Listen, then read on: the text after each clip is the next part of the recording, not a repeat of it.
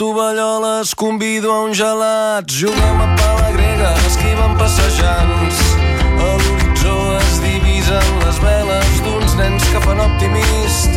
A la cala del costat dormo una estona que bufa de mar. Així estirada se't veu espectacular. Llarga i blanqueta a la sorra llegint intrigues vaticanes. De final inesperat és abusiva, tanta calor. T'incorpores i et poses bé el banyador. Amb un peu calcules com està l'aigua i tot està llest per tal que entrem al mar. Al mar, al mar. Al mar, al mar. Al mar, al mar. Al mar.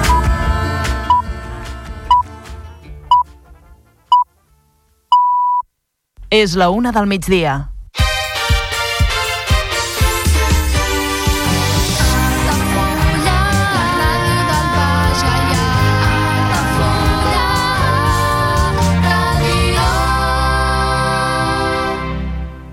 Altafulla Ràdio. Serveis informatius.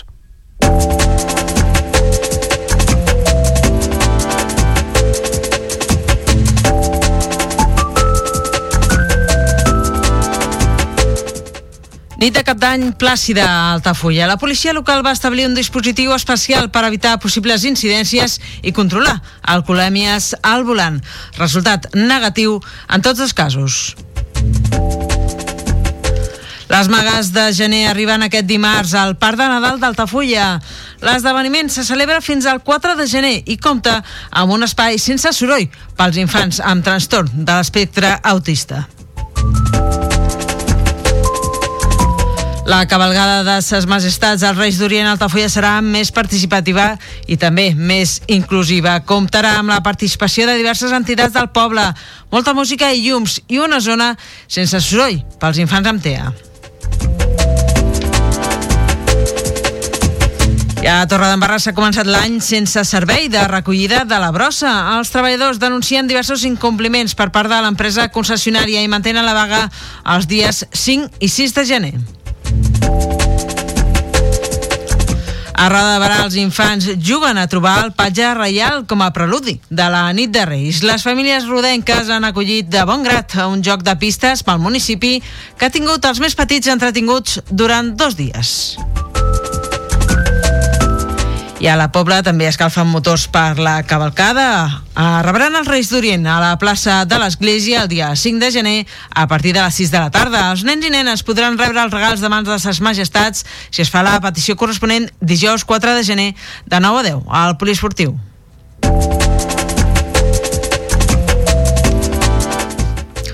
I el Ball de Sant Miquel i els Diables de la Riera de Gallà es beneficien de les ajudes de la Diputació de Tarragona.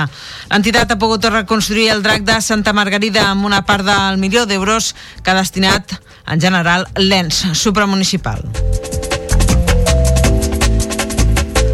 Víctor és el nom del primer nadó nascut al Camp de Tarragona aquest 2024. Ho ha fet a l'Hospital de Reus i és fill d'una parella de valls.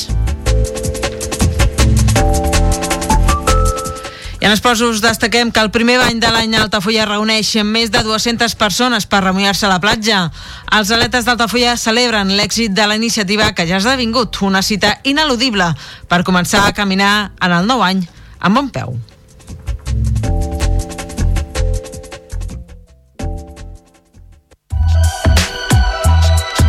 Altafulla Mar Hotel. Esdeveniments familiars, comunions, batejos i casaments i reunions d'empresa. Sales privades amb llum natural, terrassa i accés al jardí, des de 10 fins a 200 assistents. Altafulla Mar Hotel, el teu espai de confiança per a les teves celebracions familiars al barri marítim d'Altafulla. Demana pressupost sense compromís trucant al 977 65 11 55. Altafulla Mar Hotel. Altafulla Mar Hotel patrocina l'informatiu.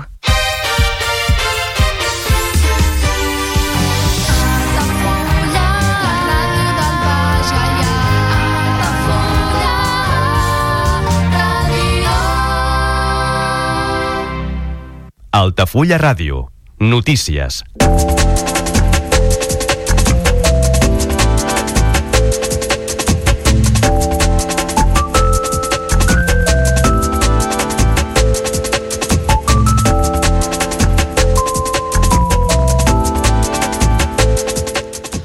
Les celebracions de cap d'any a Altafulla s'han desenvolupat amb tranquil·litat i normalitat pel que fa a seguretat ciutadana i possibles incidències.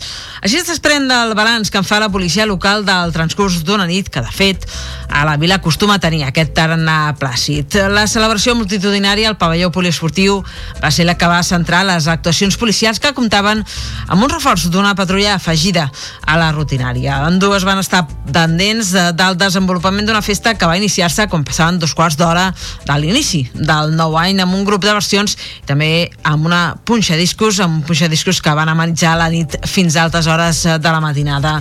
El sergent de la policia local d'Altafulla, Jordi Gil, ha valorat els micròfons eh, d'aquesta casa, d'Altafulla Ràdio, al desenvolupament de la nit per part de, de la policia local es va reforçar amb una altra patrulla al torn de nit i en principi amb les dues patrulles que hi havien doncs, es va procedir a primera hora a realitzar algun control als accessos a la població, tant a la rotonda de l'Ufet com a la rotonda del, del Puntet, amb un resultat negatiu. Es van fer eh, 16 proves d'alcoholèmia, però cap va ser positiva, ni penal ni administrativament, i ja després doncs, ja les tasques van ser de, de, de seguretat a la zona del poliesportiu on s'acumulava més gent pel tema de la nit de cap d'any i la festa i, i el grup de música que, que estaven participant. Com ha destacat Gil, es van fer diferents controls d'alcoholèmia als accessos de la vila, com la rotonda del Potet o el carrer Marquès de Tamarit, amb resultats negatius en tots dos casos. Es van practicar un total de 16 controls. Igualment apunta que no es va produir cap aldaroll ni cap baralla entre els assistents a la festa o bé entre persones que es trobessin al carrer durant aquella nit.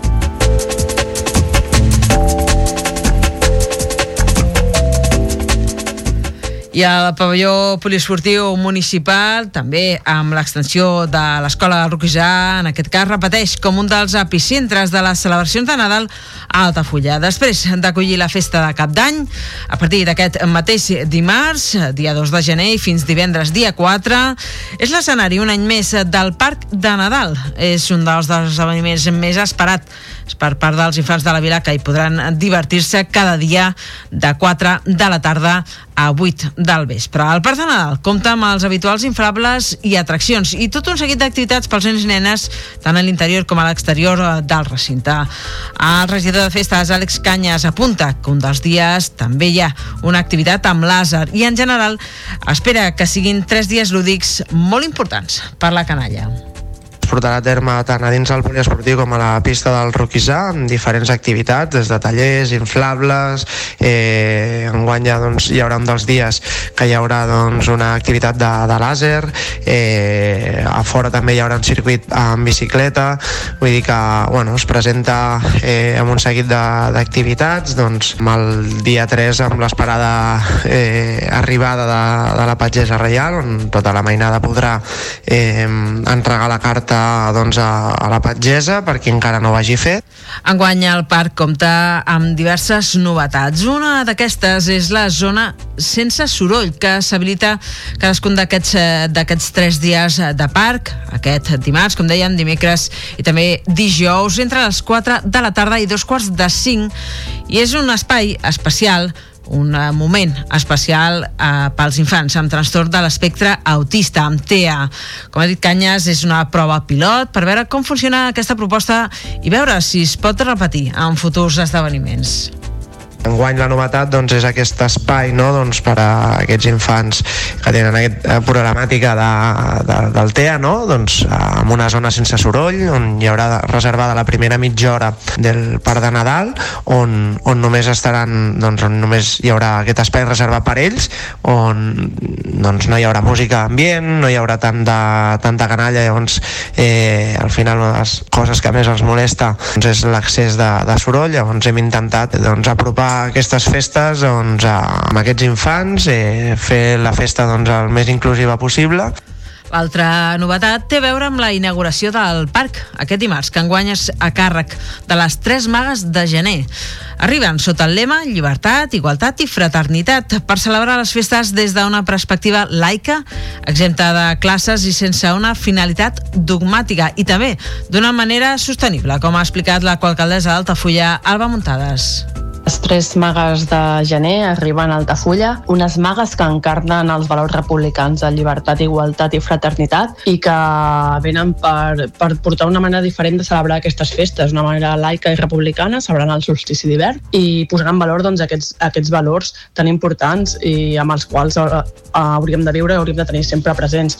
A més a més, també de valors de, de sostenibilitat i, i de, de que aquestes festes, a part de ser unes festes dedicades a evidentment a la infantesa, a la família, als amics, estar amb, amb companyia dels que més t'estimes, doncs que també siguin unes festes sostenibles les Tres Magues comptaran amb la col·laboració de les entitats del seguici popular del municipi que les acompanyaran en una cercavila que anirà des de la plaça del Pou fins al pavelló. Allà lliuraran un llibret a tots els infants per donar a conèixer la història de la festa i el missatge de felicitat, pau i cultura i una nova manera de celebrar el solstici d'hivern. Com s'ha volgut recordar des del consistori, aquestes figures no substitueixen pas a ses majestats als Reis d'Orient que arribaran puntualment divendres dia 5, com és habitual. El Parc de Nadal d'Altafulla també oferirà als infants de la vila l'oportunitat d'entregar la seva carta als Reis amb la visita de la pagesa real. Serà dimecres 3 de gener entre les 6 de la tarda i les 8 del vespre. Per tant, encara tenen alguns dies per acabar de meditar què volen demanar-los per la nit màgica del dia 5.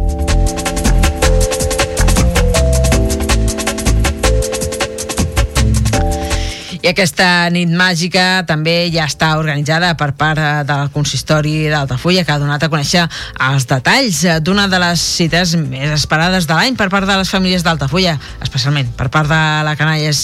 Evidentment és aquesta cavalcada de Reis que tindrà lloc divendres 5 de gener amb una rua que sortirà a les 6 de la tarda des de la plaça dels Vents per dirigir-se a la plaça del Pou. El regidor de festes, Àlex Canyes, ha explicat en declaracions en aquesta emissora que enguany hi ha diverses novetats, com ara la participació de diverses entitats del poble i molta música i llums. I precisament això, la música dels llums, ha motivat l'altra novetat, que és la creació d'una zona sense soroll dins del recorregut de la cavalcada reservada. Novament, us parlem dels infants amb trastorn de l'espectre autista, amb TEA. Concretament, eh, serà el tram que hi ha al carrer Alcalde Pijuan, des de la rotonda del pont, damunt de la via del tren, fins a la Cruïlla, amb Lluís Companys participen diferents entitats de, del poble per intentar fer doncs, eh, una cavalcada lluïda on, on els infants doncs, la, la recordin, els hi agradi i bé, estarà amenitzat doncs, amb música, hi haurà llums i, i per això hem fet també no, doncs, com a, així com amb el Parc de Nadal hem fet aquesta zona com a novetat sense soroll, també doncs, reservat per aquests infants amb, amb TEA que, el, doncs, que el soroll i, i, i, i el que és l'aglomeració de gent doncs, doncs, els molesta, eh, doncs hem habilitat aquest espai on puguin veure doncs, amb la màxima tranquil·litat possible no? doncs, a passar a veure a, a la cavalcada. El recorregut començarà al barri marítim, a la plaça dels Vents, i passarà pels eh, diferents carrers fins a arribar al centre del poble, a la plaça del Pou. Per tant, el recorregut és via August, plaça dels Vents, via Augusta, carrer del Mar, carrer Alcalde Pijuan, Marquès de Tamarit, carrer de l'Hostal, carrer de Dalt, de nou al carrer de l'Hostal per anar allà cap a Martí de Dardenya, Sant Martí i finalitzar a la plaça del Pou, on ses majestats els Reis d'Orient baixaran de les carrosses per dirigir-se al balcó de l'Ajuntament i fer un petit Parlament. L'equip de govern els, els entregarà les claus de totes les cases de la vila perquè puguin repartir els regals a la nit. Després, tots els infants podran foto fotografiar-se amb ells, entregar d'urgència si cal aquestes últimes cartes i seguir-los fins a la vileta per rebre els primers regals.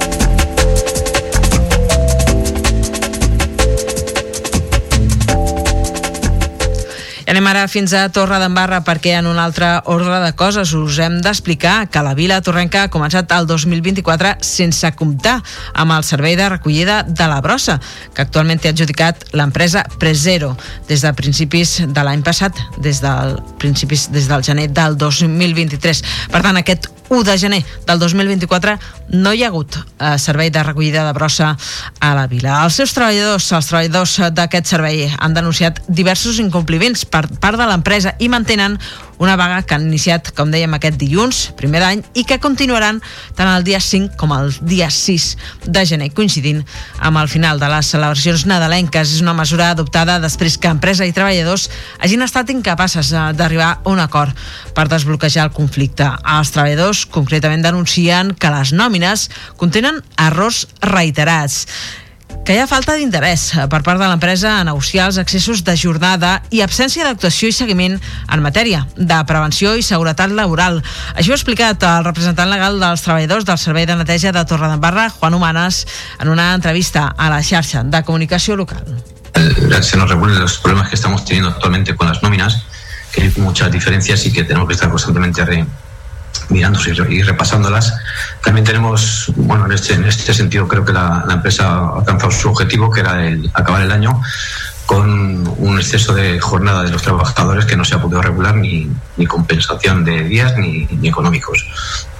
También hemos tenido bastantes problemas durante de que, desde que entró la, la nueva empresa en materia de prevención de riesgos laborales, que también nos ha conllevado a hacer nuestras reclamaciones y i la falta de seguiment per part de l'empresa també ha sido evidente. Mm. Igualment, el representant dels treballadors denuncia persecució laboral i sindical a una treballadora per realitzar les seves funcions com a sindicalista i que l'actual empresa diu no respecta els acords establerts amb l'anterior concessionària.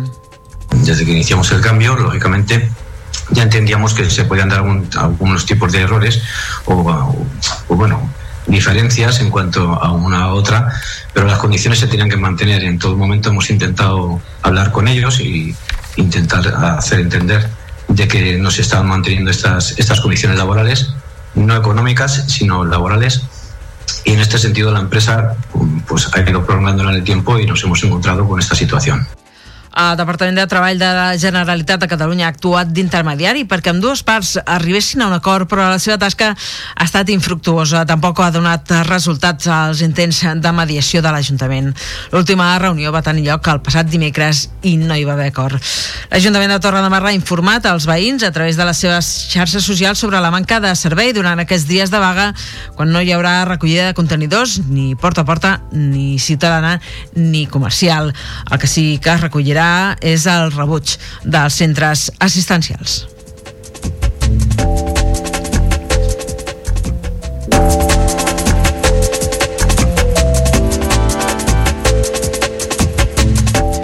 I a Roda de Barà, gràcies a un divertit i joc de pistes, també pedagògic, els nens i les nenes han pogut trobar el patge reial i lliurar-li les seves cartes pel Reis d'Orient.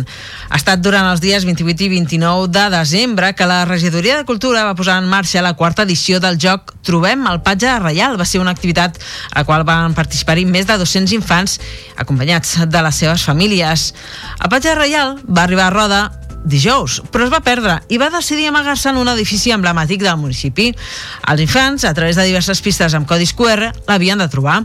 El joc va començar a la plaça de l'Ajuntament, on se'ls va lliurar una butlleta per participar, que havien d'anar emplenant amb gomets de colors a mesura que anava avançant en el joc fins completar les sis pistes, l'última de les quals els va portar fins a l'indret, on efectivament hi havia el patge amagat. La primera pista va ser el forn de Cal Nieto, al carrer Vendrell, on l'any 75 van obrir aquest forn de pa. El segon indret va ser Cal Oliverà, un gran casal del segle XVIII, actual seu del Casal de les Monges, l'Associació Cultural de Roda de Barà. Tot seguit van anar a Calgasó, un gran edifici situat al carrer del Pou, propietat de la que fou una de les principals nissagues de la pagesia rodenca. La quarta pista els va conduir fins a Cala Martorella, una casa pairal de la fi del segle XVII, situada al carrer de l'Aigua. La cinquena pista els portava fins a Cal Bursó, o el parc lúdic del carrer Montjuïc, propietat de l'Ajuntament. I finalment, els nens i nenes es van desplaçar fins al punt d'informació juvenil La Fàbrica, on allà els esperava el patge reial. Els van eh, poder lliurar les seves cartes i es van fer fotos amb ells. I ara la missió del patge doncs, és fer arribar aquestes cartes als Reis que arribaran també per mar, en aquest cas a Roda de Barà, el dia 5 de gener a les 5 de la tarda.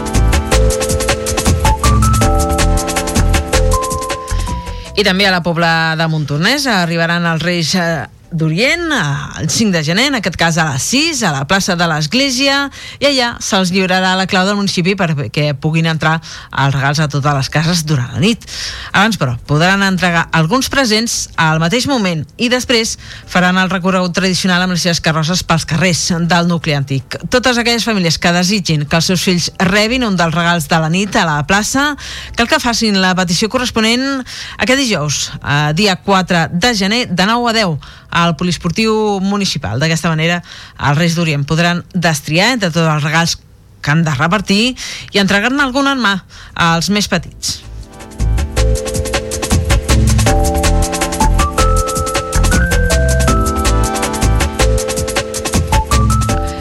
I l'associació Vall de Sant Miquel i Diables de la Riera de Gallà s'ha beneficiat de les ajudes que la Diputació de Tarragona ha atorgat aquest 2023, aquest passat 2023, per millorar equipaments culturals o d'interès ciutadà, béns immateriables i també elements patrimonials. Concretament, els diners que ha obtingut han anat destinats a la reconstrucció del drac de Santa Margarida. La institució supramunicipal ha concedit un milió d'euros a entitats sense ànim de lucre de la demarcació perquè puguin impulsar prop de 250 accions relacionades doncs, amb la conservació, reforma i millora d'equipaments culturals o d'interès ciutadà, l'adquisició de mobiliari, equipament informàtic, altres béns immobles i elements que contribueixin a la millora de les condicions dels equipaments municipals culturals d'interès ciutadà o de valor cultural i també la conservació i inversió en elements patrimonials culturals. La resta d'accions que es beneficien d'aquesta subvenció són la millora de la il·luminació del casal, del grup de teatre La Teca de Cambrils, la millora del local del grup de jovens de Vilaplana, l'educació del local de l'Orfeo Canongi i la renovació del vestuari dels gegants de la Canonja.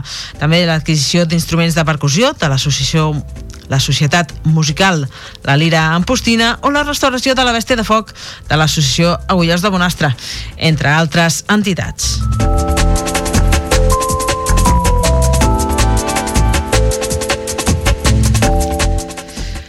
I en Víctor és el primer nadó del 2024 nascut a la regió sanitària del Camp de Tarragona. A Petit ha nascut quan faltaven 8 minuts per la una de la matinada a l'Hospital Universitari Sant Joan, a Reus. L'infant ha fet un pes de 3,420 quilos i ha mesurat 50 centímetres, 3 quilos 420 grams. Com ha informat el Departament de Salut de la Generalitat, tant la mare com el nen es troben perfectament. Aquest és el primer fill de la família de l'Avelina i el Rubén. Són veïns de Valls. En haver-se produït el part a l'Hospital Sant Joan, el nounat també ha, comptat, ha comptat amb un obsequi per part de la Fira del Centre Comercial de Reus, que ha fet el mateix amb els següents dos nounats de l'any que hi ha hagut al centre de la capital del Baix Camp. El primer naixement al Camp de Tarragona s'ha fet esperar i abans n'hi ha hagut altres pioners a la resta de vegueries catalanes. Així, el primer nadó de tota Catalunya ha estat el Jacob, de la Seu d'Urgell, que ha nascut en un, un minut després de la mitjanit. Després de la regió sanitària de l'Alt Pirineu i l'Aran, la de Barcelona ha estat la següent a registrar el naixement del primer nadó de la seva zona. Ha estat a la capital catalana amb un altre nen, el Mateo Alexander, que ha arribat al món 9 minuts després que el Jacob. A la regió sanitària de Girona, el primer naixement ha tingut lloc a l'Hospital de Figueres i ha estat un nadó que encara no tenia nom. En el moment de néixer era fill d'una parella de llançar, mentre que la regió metropolitana sud el primer nadó de l'any ha estat l'Ethan, fill de Sant Boi de Llobregat. I a la regió metropolitana nord ha estat el d'Adrion Lucas, ha nascut a l'Hospital de Mataró. I per últim, a la regió de les Terres de l'Ebre, el primer nadó ha nascut bastant més tard, a les 5, passat un quart d'hora de les 5 de la matinada. Ha estat a l'Hospital de Tortosa, Verge de la Cinta, i el nadó es diu Aya.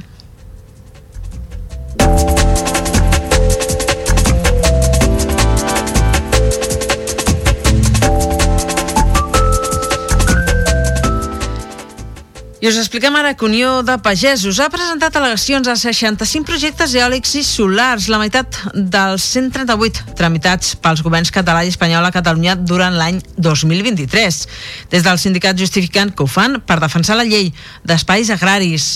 Segons han denunciat la Direcció General d'Energia i el Departament d'Acció Climàtica, no analitzen degudament aquesta llei. Unió de Pagesos defensa que la normativa preveu que es compensi la pèrdua de producció agrària que suposa ocupar aquests terrenys. De fet, ja han presentat 36 recursos d'alçada i han avisat que continuaran anant als tribunals per fer-ho complir. Diuen que arribaran fins al final amb totes les conseqüències. Els alcaldes de Barcelona o Tarragona eh, diuen, denuncien que es mostren a favor dels projectes d'energia renovable sempre que no passin pel seu territori per eh, Pere Guinovat, eh, responsable coordinador territorial d'Unió de Pagesos al Camp de Tarragona, el Camp de Tarragona i les Terres de l'Ebre ja han suportat suficients sacrificis als últims anys.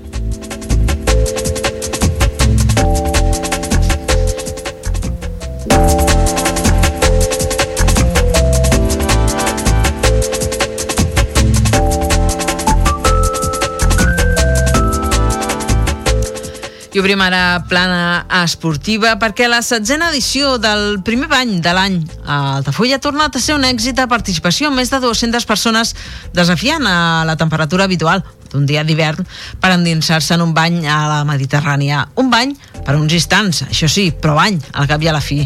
Molt de mèrit, doncs, per uns veïns i veïnes valentes que han volgut donar la benvinguda així al nou any en un ritual, en un ritual iniciàtic que diuen que els que el fan que els omple d'energia i força per encarar el nou any que tot just comença. Es tracta d'una iniciativa organitzada pels atletes d'Altafulla i que va començar de manera espontània i ara ja ha esdevingut una cita ineludible per molts veïns de la vila i també de la contornada que forma part de les celebracions nadalenques. Des dels atletes s'ho valoren molt positivament, com ha traslladat en aquesta emissora la responsable de l'entitat, Elena Rodríguez i molt, molt, molt contents. Jo crec que ja, bueno, creiem des dels atletes que hi ha una iniciativa que com, va començar com un grup d'amics que, que es banyàvem amb aquesta bogeria de banyants el primer dia de l'any, doncs ara molta gent d'Altafulla, gent que ve a passar el cap de setmana, però gent de, de tot l'any, ja espera aquesta data per començar amb força el, el primer dia de l'any amb aquest bany, amb l'aigua molt freda, però que, però que bueno, vam viure amb, amb molta energia i amb moltes ganes de compartir aquest inici d'any i que ens doni pues, aquesta, aquesta energia que necessitem per, per, per aguantar tot l'any que, que ara tot just comença. Rodríguez assegura que els atletes d'Altafulla comencen l'any amb energia i vitalitat i amb ganes de continuar creixent i oferint l'oportunitat a tot aquell que vulgui de practicar l'atletisme i de fer esport fer d'aquest esport un element imprescindible en la vida de tothom, també com una activitat social. Així mateix aposta per continuar fomentant la pràctica de l'atletisme a totes les edats i en especial l'incidir en l'atletisme femení. Són alguns dels propòsits de l'entitat per aquest 2024 a seguir entrenant i a seguir competint, a, a seguir promocionant l'esport, l'esport eh, a totes les edats, però sobretot també l'esport infantil, l'esport femení, les nenes, les dones sortim a córrer, sortim a fer esport, que ens cuidem, que, que també és una activitat molt social a la que convidem a, a tothom a participar a entrenar amb nosaltres, que continuarem entrenant tots els dimecres, però també a les competicions que fem de cross, competicions més populars, però sobretot a, a sortir a córrer, a, a agafar els camins d'Altafulla, que en tenim molts, eh, pel passeig, pel, per la, pel Gaià, a sortir a córrer, a fer esport, a fer salut, a no deixar-ho encara que faci mandra.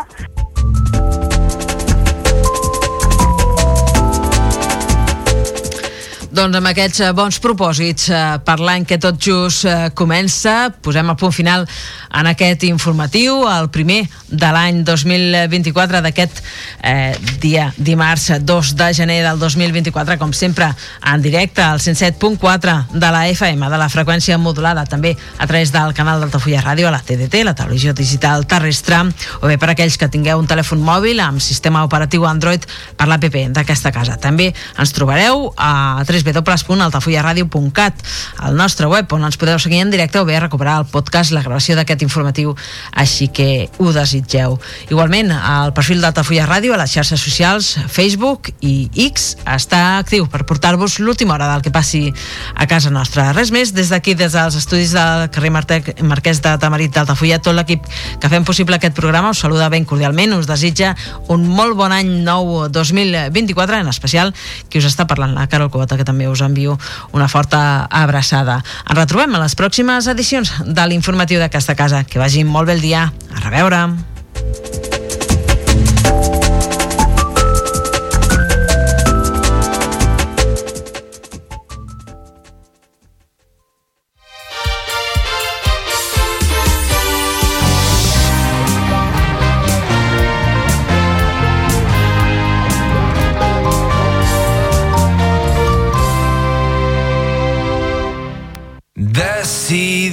que vull en tot moment. No sempre em fa content, però és el que em fa ballar. La partida és una vida més. Si la jugo conscient, res em pot fer amoïnar. Que l'amor... La xarxa. Comunions 2024. Dates ja disponibles amb sales privades, jardí, pàrquing privat i la millor gastronomia. Més informació